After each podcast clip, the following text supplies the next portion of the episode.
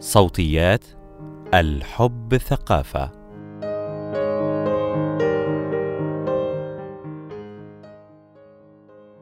يتجاهل الكثيرون إجراء فحوص ما قبل الزواج رغم سهولتها ويتناسون أن إجراء هذه الفحوص مبكرا. قد يوفر عليهم الكثير من الوقت والمجهود بعد الزواج. لا تتجاهلوا هذه الخطوة. الفحوص الطبية للمقبلين على الزواج. مقال لنورهان سلامة. لم تنتبه منى البالغة من العمر 32 سنة وشريكها إلى أهمية إجراء التحاليل الطبية قبل الزواج. ولكنهما فوجئا أثناء حجز قاعة ملحقة بالمسجد لإجراء كتب الكتاب بأنهما ملزمان بتقديم شهادة طبية من أجل إتمام الزواج. تقول توجهنا إلى أقرب وحدة صحية. وأجرينا تحليل الريسز وتحليل السكر العشوائي. وكانت تكاليف التحاليل بسيطة جدا. وحصلنا على النتائج والشهادة الطبية في اليوم نفسه. ورغم سهولة هذه الإجراءات وإلزاميتها إلا أن الكثير من المقبلين على الزواج يتجاهلونها لأن تجنبها سهل أيضا. يقول أحمد البالغ من العمر 37 سنة. وسط زحمة ترتيبات الفرح وإجراءاته تجاهلت التوجه إلى الوحدة الصحية للحصول على الشهادة الطبية ولكن أحمد استطاع اللجوء إلى المأذون الذي أخرج له الشهادة مقابل مبلغ مادي. هذا هو الأسلوب الذي استعانت به ريهام البالغة من العمر 29 سنة وشريكها من أجل إتمام الزواج. ولكن ريهام عادت وتمنت لو كانت أجرت هذه التحاليل قبل الزواج. تقول بعد الزواج تأخرنا في الإنجاب لمدة أربع سنوات وبعد إجراء التحاليل عرفنا أن السبب هرموني واكتشفت أنه كان يمكن علاج ذلك مبكرا ومن قبل الزواج. لو اهتممت بإجراء هذه التحاليل حين طلبت مني. يستعد المقبلون على الزواج بإعداد منزل الزوجية وتجهيزه ويولون أهمية لتفاصيل شهر العسل وقد يجعلهم كل هذا يتناسون استعدادهم الشخصي للزواج وللعلاقة الجنسية بما في ذلك الإعداد الجسدي والنفسي. توفر العديد من الدول برامج خاصة بتأهيل المقبلين على الزواج بل أن بعض الحكومات تفرضها كإجراء روتيني وإلزامي قبل إتمام إجراءات الزواج. وفي العموم تهدف هذه الخطوة إلى الآتي. توفير التثقيف الجنسي. توفير المعلومات التي تساعد الشريكين على اتخاذ رأي مستنير بخصوص صحتهما الإنجابية وفحص مشكلات الخصوبة. تقليل فرص نقل بعض الأمراض المنقولة جنسيا أو المنقولة عن طريق الدم. معرفة فرص وجود أي أمراض وراثية قد تصيب الأطفال في حالة الإنجاب. اكتشاف أي أمراض مزمنة مثل الضغط أو السكر. مناقشة وسائل تنظيم الأسرة في حالة الرغبة في تأجيل الحمل.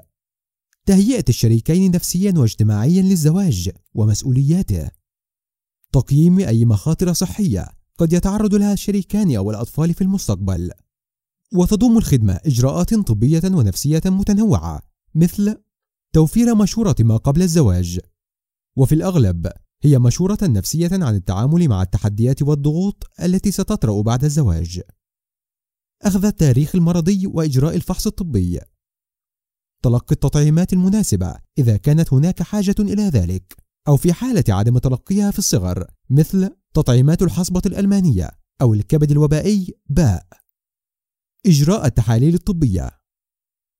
تختلف الفحوص والتحاليل قليلا. في حالة كان الزواج من غير الأقارب أو كان زواج أقارب.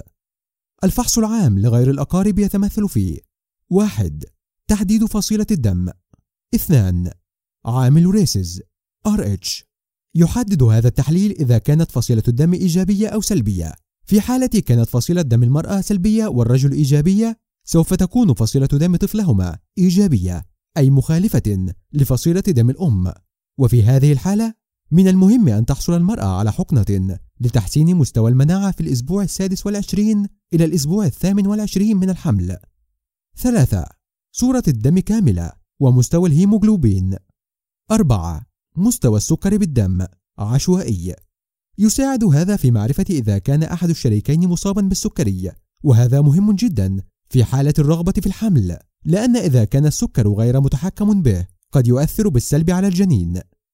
خمسة فيروس الالتهاب الكبدي الوبائي B و C. يتوافر لقاح ضد فيروس الالتهاب الكبدي الوبائي بي ويمكن أن يحصل عليه أي من الشريكين قبل الزواج إذا كان الآخر مصابا بالفيروس لمنع انتقال العدوى. 6. تحليل فيروس نقص المناعة البشري العلاج متوفر في حالة ظهر التحليل إيجابيا. وينصح الشريكان باستخدام الواقي الذكري أثناء العلاقة لمنع انتقال العدوى 7. تحليل مرض الزهري 8.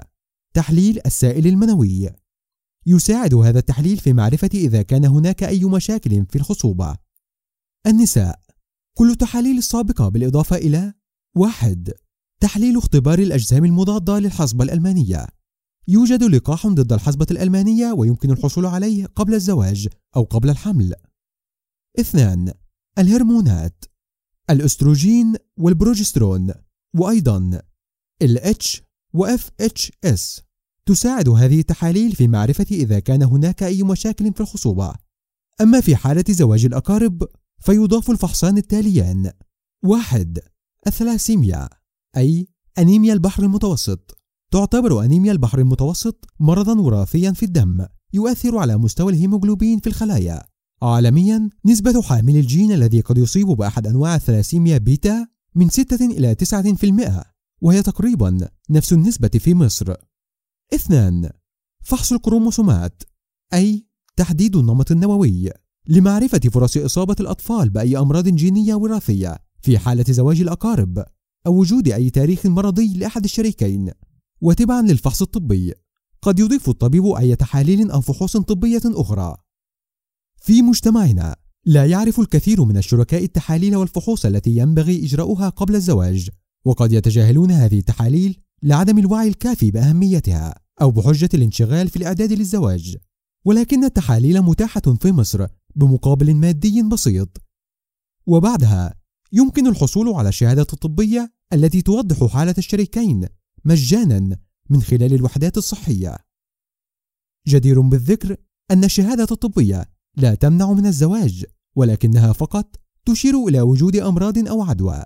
ولكن من المهم إجراء هذا الفحص الطبي الروتيني قبل الزواج لأنه يساعد في اكتشاف الكثير من الأمراض مبكرا ويحثك على تلقي التطعيمات المناسبة وهو يساعد الشريكين على اتخاذ العديد من القرارات الصحية الواعية. والتي ستوفر عليهما الكثير من الوقت والمجهود بعد الزواج. الأسماء في هذا المقال مستعارة حفاظا على خصوصية المشاركين.